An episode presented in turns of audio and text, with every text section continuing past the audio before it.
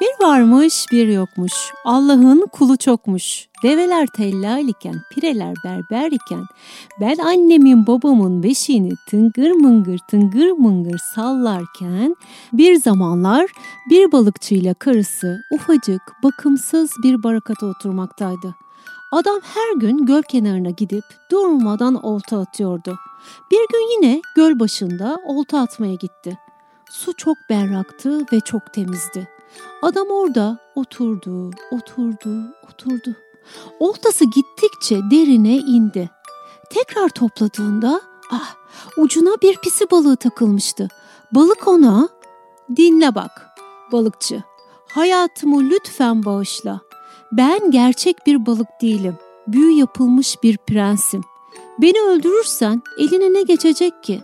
Yemeğe kalksan tat bile alamazsın. Bırak lütfen bırak gideyim dedi. Adam fazla bir şey söylemenize gerek yok. Ben konuşan bir balığı nasıl olsa yine salıverirdim dedikten sonra onu berrak suya bıraktı. Balık dibe doğru inerken ardında kınalı bir çizgi bıraktı. Derken balıkçı şaşkın bir vaziyette eve döndü. Karısı onu kapıda bekliyordu. Bugün yine mi bir şey yakalayamadın be adam diye serzenişte bulundu. Yakaladım dedi adam. Bir balık yakaladım ama o bana kendisinin bir prens olduğunu söyledi. Bunun üzerine onu serbest bıraktım. Peki bir istekte bulunmadın mı? diye sordu karısı. Hayır, ne isteyecektim ki? Yahu bu barakada oturmak hiç de kolay değil. İğrenç ve de çok pis kokuyor. En azından ufak bir ev isteyebilirdin. Hadi hadi hadi hadi tekrar oraya git sesten ona. Küçük bir ev istiyoruz de. Kesinlikle bak kesinlikle bunu yerine getirecektir. Yani bir daha mı oraya gideyim? Elbette dedi kadın. Sen onu yakaladın sonra da serbest bıraktın. Bu yüzden istediğini yerine getirecektik. Haydi haydi git oraya. Adamın hiç niyeti yoktu ama karısına karşı gelmek de istemedi ve tekrar göle gitti. Oraya vardığında suyun yemyeşil olduğunu görünce çok şaşırdı. Hiç de önceki gibi berrakta değildi. Yerini aldıktan sonra şöyle seslendi.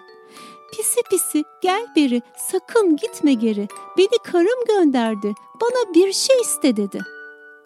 Balık hemen sahile yanaşarak neymiş onun istediği diye sordu. Ben seni yakalamıştım ya keşke o zaman ondan bir şey isteseydin deyip duruyor. Kendisi artık barakada kalmaktan bıktı. Ufak bir ev istiyor dedi balıkçı. Karının yanına dön o ev o eve kavuştu bile diye cevap verdi. Adam onun yanına vardı. Gerçekten de artık baraka değildi. Küçük bir evin kapısı önünde bir sırada oturmaktaydı karısı. Karısı onu elinden tutarak gel içeri kocacığım gel içeri burası çok daha güzel dedi. Birlikte eve girdiler. Burada akla gelebilecek her şeyin bulunduğunu, en kaliteli mobilyalarla döşenmiş, pirinçten ve bakırdan eşyalarla dolu bir veranda, bir ufak ve şirin oturma odası, bir yatak odası, bir mutfak ve bir kiler vardı.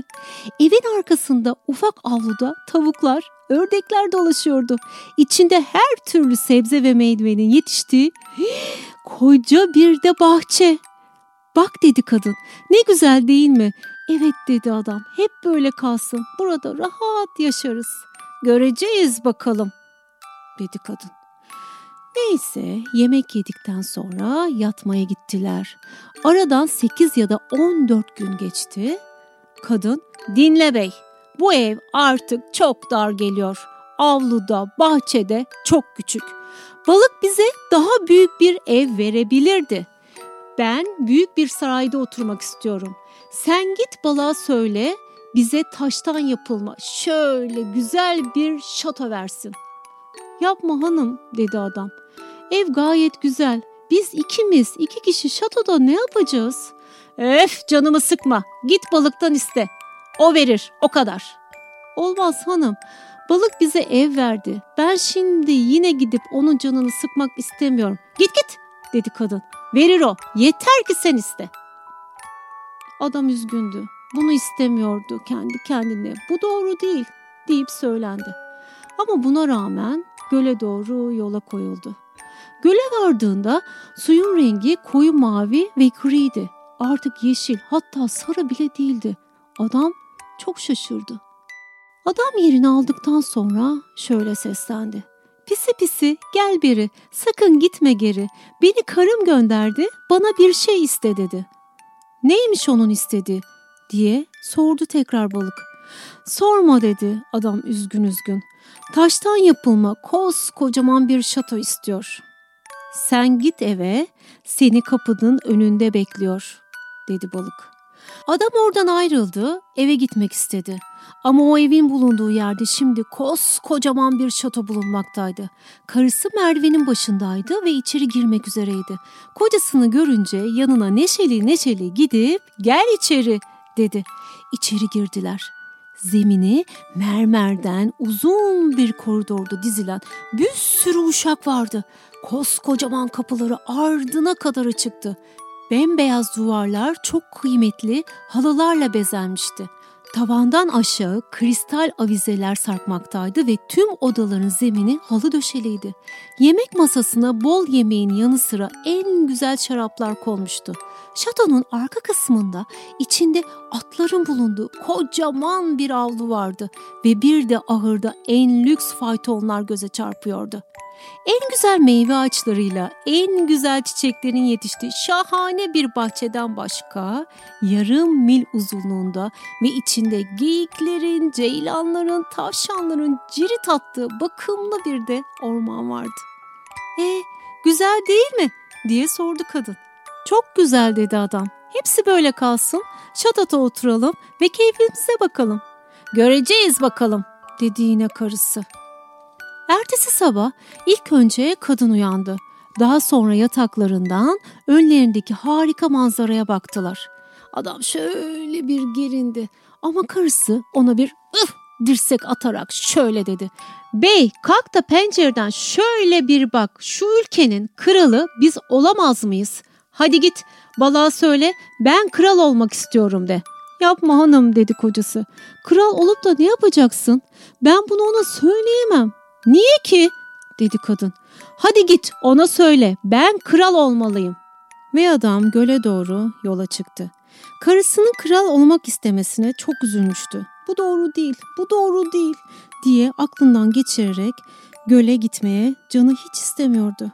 Ama yine de o göle gitti. Göle vardığında su siyah yakın bir renkteydi ve bataklık gibi kokuyordu. Her zamanki yerini aldıktan sonra şöyle dedi.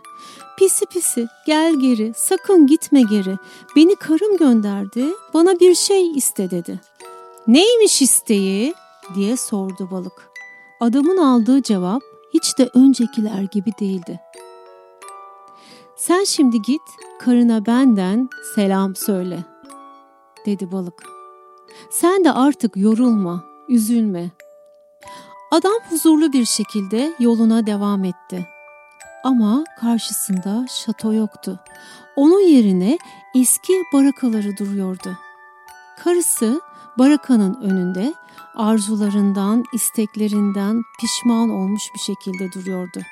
Hayatları boyunca da bu barakada yaşayıp gittiler.''